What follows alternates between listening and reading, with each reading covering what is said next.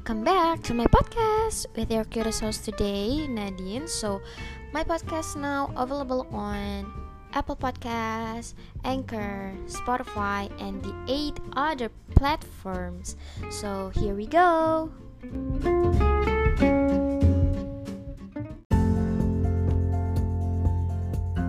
Hari ini gue lagi sama Rio Alwali, kebetulan teman kampus gue. Dan dia juga punya podcast, promoin podcast lu. Oke, halo gue Rio dari podcast Lautan Awan Dan kali ini gue berkesempatan banget nih diundang sama influencer gue Anjir. Influencer, gue belum jadi. Salah satu yang ya, influence gue untuk mulai podcast. Aduh, Yoi dong, gue kan malu. fans setia lu nih. Pendengar, penikmat setia lu. Tapi kali ini gue bakal bahas nih teman-teman untuk emptiness sendiri. Pastilah kita tidak menepis itu bahwa emptiness tuh nggak pernah terjadi di hidup kita. Pasti sebagian dari kita tuh pernah mengalami hal itu. Kita lihat dari usia berapa, usia berapa pasti pernah mengalami ya kan. Eh, untuk Rio sendiri nih, menurut lo nih, emptiness tuh apa sih? Definisi emptiness menurut gue Oh ya, gue perlu tekanin sekali nih Sebelum gue beropini Mhm, Gue ngutip kata-kata jering bahwa Jangan percayai kata-kata gue 100% mhm. karena ini hanya bersifat opini bisa benar bisa salah menurut gue eh, emptiness itu adalah kondisi psikologis di mana lu merasa kesepian seakan-akan tidak ada orang-orang di sekitar lo yang memperhatikan singkatnya sih seperti itu Nat. emptiness itu mungkin eh, sebenarnya kita tuh biasanya ya untuk para milenial biasanya itu mereka ngerasa ketika pulang kerja atau misalkan habis kongkow-kongkow terus ngobrol-ngobrol rame-rame lo habis minum di bar lo habis ini segala macam. Tapi pas waktu pulang ke rumah lo ngerasa sepi lagi langsung kayak dek oke kok gue ngerasa lonely ya? Atau enggak temen lo datang nih ke rumah lo. Terus pas waktu dia pulang lo langsung langsung duduk di tempat duduk langsung kayak mikir kok sepi lagi ya? Itu kan pasti semuanya mengalami gitu kan. Gue sendiri mengalami itu mungkin sering karena apalagi lagi covid kayak gini kita jadi merasa lonely nih.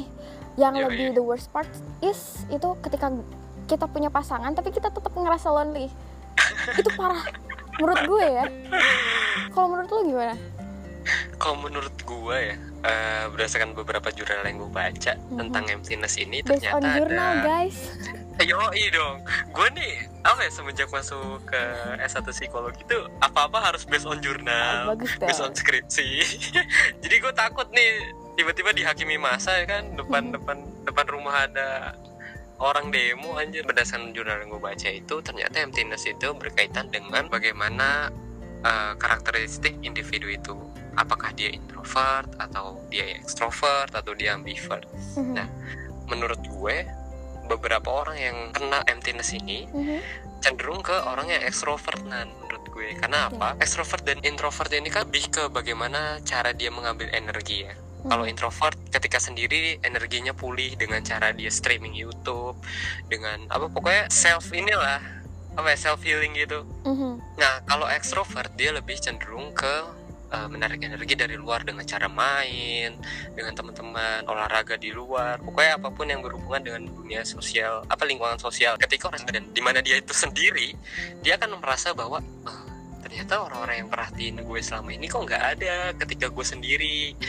Seolah-olah tuh dia merindukan perhatian dari orang lain. Kurang lebih sih kayak tapi sebenarnya sih nggak bisa sih kita mengeneralisasikan yes. bahwa semua orang yang butuh perhatian tuh tukang caper, tukang cari Hmm, perhatian. bener, Hmm, bener. kan even orang yang depres atau Mhm. mengalami depresi pun dia butuh perhatian gitu jangan wah ketika dia mengeluarkan statement bahwa ah, ini gue ternyata didiagnosa oleh psikolog Mhm. gue mengidap depresi nih Mhm. jangan tiba-tiba lu apaan sih lu lebay lu? Nah, ah lu gini-gini ah lu pengen dibilang ini aja kan edgy edgy. Nah itu yang gue sebel bahwa orang yang even orang yang depresi pun tuh butuh perhatian gitu. Seenggaknya kalau lu nggak bisa memberikan masukan seenggaknya lu mendengarkan keluh kesah mereka. Temenin aja gitu kan. mereka yes tuh nggak minta uang lo, mereka nggak minta lo, dia mereka cuma minta waktu lo aja buat dengerin Yeah. keseharian kayak how's your day, terus eh how's your feeling today? Gitu doang ya kan. Mm-mm, bener. Semenjak COVID-19 eh, gue sudah melakukan riset juga karena kebetulan eh, tugas kampus gue waktu waktu minggu lalu ini bikin press release dari kesehatan Kementerian Kesehatan juga eh, soal kesehatan jiwa. Dan COVID-19 ini ternyata makin meningkat soal depresi dan ingin keinginan untuk bunuh dirinya itu meningkat Yes. pesat banget parah. Dan yang usia yang paling banyak yang mengalami itu adalah usia 18 tahun sampai 29 tahun. Dan untuk yang lansianya itu kurang lebih 60 tahunan. Kenapa sih kita tuh nggak bisa sa- kan misalkan dua orang yang merasa kesepian ketika di jadi satu kan jadi jadi nggak kesepian gitu. Harusnya tuh orang- seharusnya harusnya, seperti itu iya. seharusnya. Tapi susah banget untuk menyatukan dua kepala untuk saling ngobrol. Nah karena mungkin gini sih Nat, menurut gue setiap orang itu kan punya barrier atau boundariesnya masing-masing nah ya gue bisa cerita ke lu panjang lebar karena mungkin gue nggak apa karena gue nganggap lu tuh sahabat gue sebagai Ya. teman gue Aha. ada beberapa orang yang memiliki boundaries atau uh, tamengnya mereka sendiri tuh yang terlalu tebal. Jadi sehingga Hmm. orang buat masuk ke kehidupan mereka pun susah gitu. Mhm. gue harus kayak gimana sih supaya gue bisa bantu lo? Gue harus gimana gitu. Dan orang-orang yang punya barrier atau keras ini juga split untuk orang-orang yang sepian susah untuk disatukan kecuali memang kita sudah dekat dengan kayak teman-teman gitu kan lingkungan yang biasa kita. Gue selalu bingung kenapa ya? Gue selalu merasa empty padahal gue surrounded by eh, teman-teman gue yang suportif teman-teman gue yang apa yang kayak ya lo, lo pada lah gitu kan. Yang bikin receh yang bikin segala macam tapi sometimes gue selalu ngerasa kok gue sendirian ya? Kok gue ketika gue ada masalah kok gue menderita sendirian? Gue nangis sendirian? Kayak gitu. Apalagi yang lebih worst case nya adalah ketika kita sudah punya pasangan tapi tetap merasa sendirian nah itu juga yang perlu ditekanin ke pasangan lu bahwa uh, gue nih punya kadang nih keterbukaan sih Nat Yes. jatuhnya. Lo harus terbuka juga Wak, sama pasangan lu. Betul. gue lagi kesepian lo seenggaknya lu bisa deh ke rumah gue walaupun cuman berapa jam. Seenggaknya gue bisa ngeliat muka lu kita bisa ngobrol bisa ketawa bareng bisa sedih-sedihan bareng. Seenggaknya kita nonton Netflix bareng pun nggak apa-apa. Aduh Netflix and chill ya say Yo, karena emang yang dibutuhkan sama beberapa orang yang mengidap kesepian tuh ya ditemenin, cuman ditemenin aja udah. Walaupun lo cur apa dia curhat, lo cuman iya, heeh, cuma iya, nemenin oh makan gitu, cuman gitu aja pun mereka juga merasa bahwa oh iya dunia ini ternyata memperhatikan gue ya, nggak cuman gue sendiri. Hmm. sebenarnya kalau misalkan dari gue sih sebenarnya nggak merasakan itu ketika eh, karena eh, pasangan gue juga tahu lah Hmm. apa masalah-masalah yang lagi gue hadapi juga gitu. Ya, Cuman balik lagi ke banyak keterbukaan orang, itu kan. ya, banyak orang merasakan itu ketika mereka lebih worst case sih itu malah jadi kayak menurut gue Hmm, kalau belum sembuh ya lo nggak bisa eh, nggak bisa melanjutkan hubungan gitu menurut gue ya karena lo belum sembuh nggak bisa karena lo pikir pasangan lo bakal ngerti apa yang lo mau ketika lo nggak ngomong gitu mm-mm. Ada juga beberapa pasangan yang kayak gitu tuh. nah itu dia. Yang jadi kayak awarenessnya gue juga. Makanya ketika gue mengangkat topik ini tuh pengen banget sih eh, pemikiran dari cowok tuh gimana sih gitu. Gue kebanyakan karena gue terlalu banyak curcol sama cewek ke cewek ya kan? Oh gitu. Heeh, jadi gue lebih paham nggak lebih paham sih. Walaupun teman-teman gue juga banyak cowok gue selalu tukar pikiran juga. Cuman pengen aja dari eh, individu-individu yang berbeda gitu Hmm. Nah, sama ini lagi sih Nat, lebih ke coping stress. Jadi coping stress itu adalah pengalihan gimana, misalnya lu stres nih, oke gue ngelakuin sesuatu deh, atau hobi lah kita bisa bilang.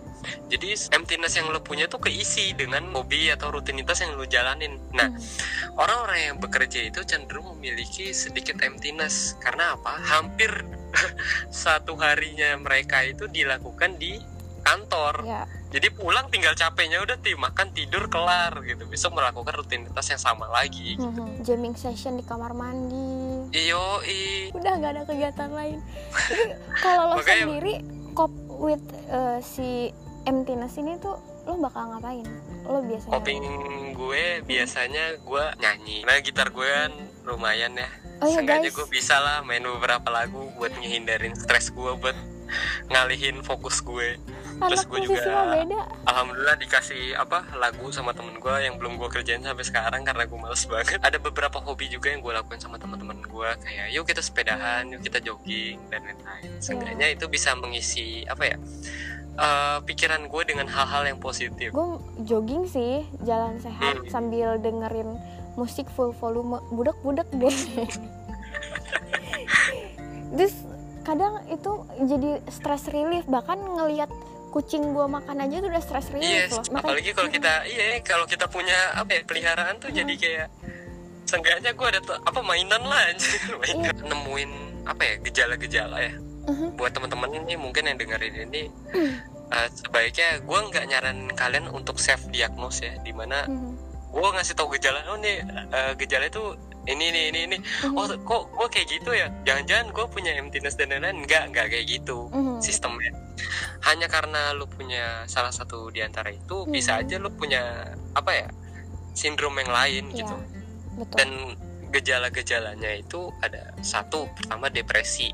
Orang yang memiliki emptiness itu cenderung mengalami depresi juga di saat yang bersamaan. Terus kedua kesedihan yang persisten yang persisten tuh artinya selalu apa ya berujung dengan putus asa gitu. Bahwa ternyata orang-orang di sekitar gue tuh nggak sepeduli yang gue kira. Terus yang ketiga perasaan kesepian yang dan ketidakbergunaan. Nah orang-orang yang emptiness ini merasa bahwa aduh kayaknya gue nggak berguna banget sih buat Hmm. teman-teman gue. Mhm. lebih ke evaluasi diri tapi yang ke arah Hmm. negatif gitu loh yuk lo lo paham kan? Iya paham paham Nah, terus yang ke yang terakhir adalah nah, ini khusus untuk orang-orang yang sudah menikah, yaitu kekosongan dalam kehidupan pernikahan. Tua, anaknya udah gede, terus ditinggalin, mereka ngerasa kayak kesepian lagi dan gak siap gitu bahwa ternyata anak gue tuh udah gede ya, udah bisa mandiri. Mhm. Lebih ke kerelaan sih. guys eh, sebenarnya gue juga eh, sangat menyarankan kalian untuk kalau memang sudah something wah ini udah nggak bener nih ada something wrong with me with my body with my mind with my soul gitu kan. Ya lo cross check ke yang lebih profesional. Kita nggak bisa self Ya, diagnose betul. kalau gue pribadi sih gejala yang gue alami eh, fase-fase pas mau emptiness nih ya gue selalu ngerasa bahwa gue sendirian nggak berguna. Ya betul. Gue nggak berguna gue nggak gue merasa bahwa gue ini gue ini bodoh kok gue nggak kayak cewek-cewek lain ya? Ih gila cewek-cewek lain nih bisnisnya kenceng gitu kan. Terus kok bisa pinter ini itu anu multitasking. Terus Gue malah jadi insecure gitu ya. iya udah emptiness plus insecure. Itu udah komplit itu. Jadi ketika gue gua ngerasain fase-fase itu tuh gue langsung kayak mikir apakah mem oh tapi gue jadi langsung berpacu lagi. Gue jadi oh berarti dengan ini gue harus terus meningkatkan kualitas diri gue Yes. Eh, lebih baik ya kalau misalkan gue merasa gue bo- masih bodoh gitu ya gue belajar gue mem- mempelajari hal-hal baru ya for your information gue selalu haus akan sesuatu yang baru bahkan untuk kayak Duh, gue ngerasa kalau misalkan gue bodoh, gue pengen belajar soal jahit menjahit baju, tapi kok gue nggak ngerti ya. Nah, gue mempelajari itu gitu. Gue bakal cari di YouTube. Sekarang udah semua serba digital gitu. Lo nggak Yoi, perlu bener beli banget. buku. Sekarang udah ada Iya. ebook, udah segala Nggak kayak macam. dulu, ya Mhm. kan? Sometimes worst case-nya jadi gue tuh selalu kayak ada dua jiwa yang di badan gue gitu yang satu sisi kanan sisi kiri kanan gue selalu berpositif bahwa ya kalau misalkan lo ngerasa bodoh ya lo belajar lah Nat gitu lo kalau misalkan ngerasa kurang cantik ya lo eh, maintenance ditingkatin tapi di sisi negatif ya gitu. Gue mau berdiri gimana pun juga orang nggak akan ngeliat gue gue tuh gue invisible banget gitu. Padahal kalau tapi di positif lagi di sisi kanannya lagi nih. Gue invisible dari mana anjir? Banyak yang lihat nat. Gue banyak yang lihat kalau nggak ada yang lihat itu podcast nggak akan jalan ini. Itu. Tapi yang kirinya nggak gue invisible coy. Gue invisible. Gue nggak kelihatan. Orang nggak tahu gue orang tuh selalu mikir bahwa gue nih Nadine yang umurnya masih belasan tahun yang nggak bisa apa-apa pendek kecil yang nggak bisa apa-apa gitu. Invisible. Tapi di kanan eh lu umur segini udah ngelakuin apa aja coy. Udah lu udah udah perjuangan hidup lu juga udah udah ke mana-mana lo udah kenal siapa pun. Relasi lo banyak gini gini gini gini. Itu tuh selalu jadi eh, apa ya fase-fase di mana Problematika pro, gitu ya. fase-fase itu selalu muncul di ketika gue sebelum tidur.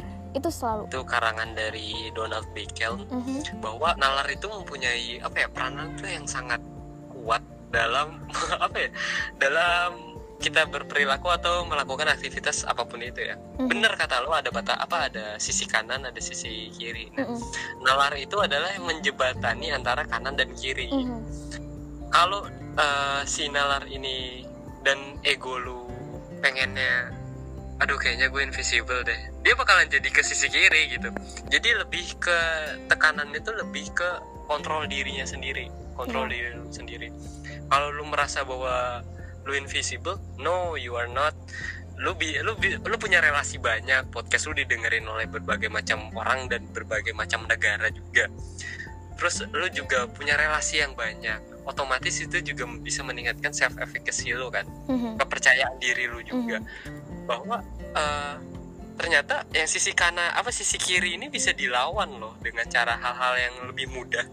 Nggak apa ya nggak sulit sebenarnya melawannya juga karena menurut gue eh, sebagaimanapun eh, sisi buruk atau sisi gelap lu pasti ada ketika lu ngelihat secerca cahaya tuh kayaknya alhamdulillah akhirnya ada juga cahaya di dalam diriku dan itu pasti akan memotivasi lu dan memotivasi orang-orang di sekitar lu ya. Contohnya podcast inilah gua ambil contoh Mhm. lu bikin podcast yang gue salut lu sendirian lu bikin podcast lu ngerancang naskahnya sendiri lu build dan lu buat sesuai dengan mindset lu sesuai dengan karakteristik lu dan itu keren dan itu eh, apa ya gue termotivasi. Akhirnya gue bikin podcast juga deh. Nadine bisa kenapa gue nggak bisa? Yuk kita bikin podcast walaupun gue berdua sama temen gue seenggaknya gue bisa memulai dengan hal-hal kecil. Seenggaknya tuh kita bisa mulai satu persen setiap hari. Ya. menurut gue kayak gitu sih. Jadi the better version of us. yes Emptiness ini tuh faktornya tuh bisa dari berbagai hal, berbagai macam. Mm-mm. Mulai misalkan dari rumah bisa jadi insecurities juga bisa. Terus dari eh, kayak ngeliatin orang, padahal ngeliatin orang doang nih. Kok orang itu bisa bahagia ya? Kok gua enggak? Gitu. Itu kan bakal jadi emptiness yang overthinking. Buh. Kayaknya pengen gua timpuk sendal aja deh. gitu. Mungkin emang ini nggak ada cure-nya sih, maksudnya nggak ada nggak ada obatnya ya. Buat eh, emptiness ini tuh selalu datang ya tanpa kita minta, tanpa kita sadari gitu. Yes, gue. benar. Yang bisa kita lakukan adalah Meminimalisir. mengantisipasi Ya, dan minimalisir juga. meminimalisir. dan how to cope with it apakah lo sendiri juga gue kepo nih ya kan biasalah netizen kepo kan Anjir apa yang dikopain dari gue dong? iyalah kepo lu lu pernah nggak sih ngerasain kayak emptiness tuh eh, misalkan soal apa gitu yang mau lo mungkin bagiin ke temen-temen yang dengerin sekarang Eh, adalah masalah keluarga dan masalah personal antara gue sama Mhm. cewek gue juga. Sama kerjaan gue juga yang kata gue sempet curhatin ke Nadine juga bahwa gue nih Mhm. di-cut nih dari kantor tapi eh, kantor itu nggak mau ngeluarin surat PHK. Seenggaknya tuh Mhm. bisa meringankan biaya kuliah gue gitu. dan itu bikin gue struggle banget. Terus bikin gue ngerasa kayak ini orang-orang di sekitarku nih peduli nggak yuk kok cueknya ya Allah seenggaknya ngasih lowongan kerja gitu loh seolah-olah dunia ini berputar cuma nama gue doang gitu semua masalah dijadiin satu itu bikin apa ya bikin gue tuh makin down down makin down lagi bagaimana gue cara gue keluar dari sisi emptiness itu adalah pertama gue pasti kontak temen gue yuk kita main yuk Mhm. main PS2, main PS3, main ML juga nggak apa-apa deh. Yang penting seenggaknya gue bisa keluar dulu nih satu langkah dari kotak emptiness gue. Terus yang kedua, biasanya yang gue lakukan, gue bisa main gitar dan lain-lain, gue ngulik lagu dan lain-lain. Seenggaknya itu bisa bikin dua langkah. Jadi nggak seko apa ya bahasa Jawa nggak sekonyong-konyong lu langsung keluar gitu pasti ada step-stepnya dalam keluar dari kotak emptiness itu Mhm. dan gue yakin setiap orang itu punya cara dari masing-masing terus juga emptiness ini kan selalu ada ya Mhm. terus bagaimana cara kita mengantisipasinya adalah dengan cara ya kalau lu emptiness dan lu ngerasa bahwa lu nggak berguna lu lihat deh sekeliling lu. Apa aja barang yang udah lu beli? Berapa banyak temen yang lu punya? Seberapa banyak relasi yang udah lu buat sama teman-teman lu? Mhm. Seberapa besar sih usaha lu untuk bertahan hidup sampai saat ini? Dan itu cukup banget buat gue pribadi keluar dari kotak emptiness. I love checking up on everyone. Kayak misalkan Hmm. kayak nanya-nanya. Makanya gue di grup teman-teman kita juga kan gue selalu nanya eh kapan nih eh, bikin Google meeting lagi bareng-bareng? Gitu kan kita ngobrol Iya, lagi. iya. terus gue gue selalu checking uh, everybody's up gimana how's your day? Terus ke nyokap gue juga. Terus gue selalu tanya ke teman-teman yang eh, pokoknya semua orang ini gue gue tanyain. Karena gue merasa kayaknya eh, kalau bukan gue yang mulai orang lain tuh nggak akan mulai. Yes benar karena dan orang gue lain selalu ya, kayak sama Lunet adalah lu bisa menurunkan standar boundaries lo atau standar tameng lu ke titik tertentu di mana uh, lu bisa nih sesuai sama orang ini lu bisa nih relate sama orang ini. Dan itu uh, perlu skill khusus sih dari individu. Dan itu keren banget menurut gue. Gitu ya? Gue tidak menyadari itu karena gue gue kayak let it flow aja. Ketika misalkan memang gue uh, mungkin ya gue pribadi yang sekarang ini memang berbeda dari pribadi gue yang lima tahun yang lalu itu sudah pasti gitu kan. Tapi semenjak ketika gue ketemu uh, gue kuliah gue ketemu banyak orang gue macam-macam yang di sini kerja di sini ini umurnya segini rata-rata kan teman-teman gue yang sekarang sudah tidak ada yang seumuran sama gue rata-rata udah umur 22 paling muda 21 paling muda banget itu 21 deh pokoknya. Yang lainnya udah sampai 29, 30 sampai 35 ada yang om-om juga udah jadi udah punya anak dua. Ya terus gue makanya gue uh, mengambil uh, apa yang bisa gue oh ternyata persepsi macam-macam dan khasnya orang tuh unik-unik ya beda-beda ya. Gue jadi ketika ketika gue ketemu orang baru lagi gue bisa langsung kayak memanage uh, personality gue gitu tapi bukan untuk apa ya gue beru bukan berubah untuk menjadi untuk di untuk diterima gitu di sosial. Hmm, hmm, bukan. hmm, tapi untuk mengikuti uh, menghargai alur yang lagi gue jalanin. Tapi Iya, dengan dengan tidak merubah diri gue yang asli. Itu sih yang gue lakuin selama ini gitu. kendaraan transportasi umum gue anaknya anak TJ MRT sama komuter lain ya kan? Udah member ya kan? Iya bener. Pokoknya ketika kita nggak punya ketika transportasi umum ini udah dibatasi gitu itu jadi kayak sebuah problematik eh, apa ya utama bagi gue gitu. Gue nggak bisa ke mana-mana say. COVID-19 ini juga gue sangat sedih sih pas gue nyadar dan gue nggak nutup mata juga bahwa uh, covid ini ada sisi negatif dan positif ya Mhm. Uh, positifnya adalah kita jadi mengenali diri kita jauh lebih dalam lagi Mhm. kita bisa mengevaluasi diri kita lebih jauh Mhm. dalam lagi Mhm. dan sisi negatifnya adalah ketika kita menemukan hal-hal yang nggak biasa kita temukan kesehari di keseharian kita kita ngerasa kayak loh iya apa ya ini baru lagi nih kok gue kayak gini jadinya dan itu real dan kita tadi sempat ngobrol kan di luar podcast ini bahwa eh, tingkat depresi ketika COVID-19 ini meningkat kan kan Mhm. meningkat pun drastis bahkan angka bunuh diri pun juga bisa dibilang naik juga gitu Iya.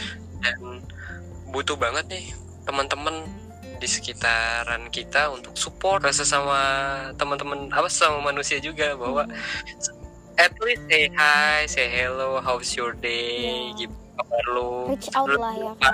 Iya, seenggaknya itu bisa memendam atau apa ya, mereduce tingkat depresi yang udah kita lakuin. Apalagi buat orang-orang yang bekerja, lu tuh bangun untuk melakukan rutinitas yang sama setiap hari. Mhm. Dan lu libur juga cuman buat ngeres badan lu, tapi nggak emosional lu. Itu yang perlu lu tekanin dan lu garis bawahin. Ada beberapa orang di sekitar kita yang mungkin kita nggak sadari, mereka kerja terlihat bahwa hidupnya bahagia, punya rumah, punya mobil, dan gue sempet ngucapin ini juga ke Nadine. You can buy a home, a house, Mhm. but you can buy a home. Mhm. Lu bisa beli rumah, tapi lu nggak bisa beli apa ya inti dari makna dari rumah itu sendiri gitu Iya. dan beberapa orang juga berdasarkan apa ya gue sempat bikin tugas juga mengenai burnout burnout itu adalah kondisi psikologis di mana lu terlalu letih dengan rutinitas kerjaan lu sehingga itu bisa buat lu depresi bikin lu sedih bikin lu merenung. Merasa bahwa hidup ini cuman itu itu yang gue lakuin. Dan gue pengen mendengar podcastnya Nadine di mana pun teman-teman berada uh, hidup kalian itu bermakna dan hidup kalian itu berguna buat orang di sekitar kalian. Kalian bisa memotivasi orang-orang di sekitar kalian dan itu bagus. Ya. Dan jangan pernah berpikir kalau kalian itu sendiri. Itu aja sih. Just say Hmm. just say how's your day, how's your feeling today, reach out everyone yang lo lo kenal. Itu itu bener-bener memang yang tadi Rio bilang reduce uh, untuk tingkat depresi itu sendiri. Walaupun lo nggak bener-bener menyembuhkan itu gitu loh. Dan ketika misalkan kita ngerasain bahwa, aduh gue nggak nggak nggak berguna banget nih, gue kok gue nggak berguna banget ya buat teman-teman gue. Enggak, sebenarnya lo itu berguna Se- se- selama lo action selama lo uh, mau untuk apa ya ya itu tadi reach out. Atau misalkan tiba-tiba kirim makanan. Gue gue selalu terharu ketika gue ketika gue dikirimin makanan sama temen-temen gue. Serius gue gue selalu ngerasa bersyukur banget sama Tuhan. Wah I'm so grateful. Gue punya teman-teman yang lucu receh terus baik-baik. Kayak lo gitu juga kan nyanyi. Makanya ketika gue kemarin posting posting teman 2020 tagar teman 2020 di menjadi manusia itu gue merasa bahwa wah gila nih. Ya mereka emang nggak bantu gue sepenuhnya yang lagi gue hadapin masalah yang lagi gue hadapin. Tapi gue ketika melihat uh, chatnya dari teman-teman gue ketika gue melihat uh, apa ya video-video kompilasi dari teman-teman gue kita main semua gue selalu senyum-senyum sendiri gue selalu ngakak sendiri tanpa gue ngasih tahu ke mereka. Jadi itu kayak jadi uh, obatnya buat gue. Gue nggak menyuruh lo untuk bersyukur tapi coba deh lihat dulu lingkungan lo. Ada yang asik gak sih? Kayak misalkan kucing lo ternyata bisa jadi kayak tujuan hidup ya nggak sih? Kayak misalkan gue udah nggak punya tujuan hidup lagi gue udah kayak nggak punya semangat hidup lagi. Lihat kucing lo lo pasti langsung semangat. Ntar emang lo kalau misalkan lo mati nih lo nggak mikir kucing lo siapa yang ngasih makan. Ntar dia nyariin lo segala macam atau lo punya anjing. Kekosongan itu uh, banyak karena emang banyak variabelnya banyak faktornya hmm. banyak juga yang nggak bisa kita expect ternyata hmm. oh ternyata faktornya ini ya ternyata hmm. faktornya itu ya dan ngomongin tentang emptiness ini memang panjang lebar banget bahkan penjelasan ilmiahnya pun banyak banget dan cenderung uh, emptiness ini menyerang orang-orang dengan kaum lan apa yang lansia tapi nggak nutup kemungkinan juga kita sebagai anak-anak muda atau middle age itu uh, mengalami emptiness ini kekosongan. Yeah. dan buat teman-teman pendengar podcast Nadine saran gue sih teman-teman yang mungkin lagi ngerasa kekosongan atau kesepian coba deh lu start lu ngobrol sama teman lu. Hal-hal receh apa pun itu seenggaknya bisa mereduce kesepian yang lu punya. Walaupun itu tidak menghilangkan mm-hmm. tapi seenggaknya itu bisa mengurangi uh, rendah dan mengurangi. Walaupun lo nggak cerita soal masalah lo itu juga udah udah kayak uh, ini ini ngurangin banget ya kan. Walaupun covid-19 ini sungguh bangsat. Wah ini nyokap gue denger podcast gue demo ente. Langsung baju di luar sama koper-koper. Mencari kebahagiaannya masing-masing gitu. Ada yang misalkan mencari kebahagiaannya tuh kayak misalkan uh, ya reach out teman-teman. Ada yang keluar dari rumah atau misalkan main sama teman-teman atau makan atau tidur atau ya banyak hal kan kayak nonton drakor aduh drakor lagi. Kalau kalau lo sendiri pernah nggak sih maksudnya temen-temen lo atau pasangan lo gitu uh, lo kan anak psikologi nih. Maksudnya iya anak S mahasiswa sarjana satu psikologi yang pastinya teman-teman lo langsung jadi kayak aware pasti lebih kayak maksudnya uh, untuk curhat ke lo tuh jadi lebih enak gitu ada nggak sih yang ngerasa kayak empty kayak gitu gitu? Cerita cerita kalau gitu. Ya jangan jangan dibuka semua lah. Apa ini aja. Oke. Okay. headline aja. satu cerita dari temen gue. Jadi hmm. uh, dia tuh emptiness. Ditambah lagi dengan dia tuh jauh dari orang tuanya. Dia anak rantau. Hmm. dari Sulawesi kalau nggak salah. Wah jauh sekali. iya. Dia ngerantau ke sini dan dia merasakan homesick udah lo kontak aja. Tapi problemnya dia gue nggak bisa pulang yo. Karena apa?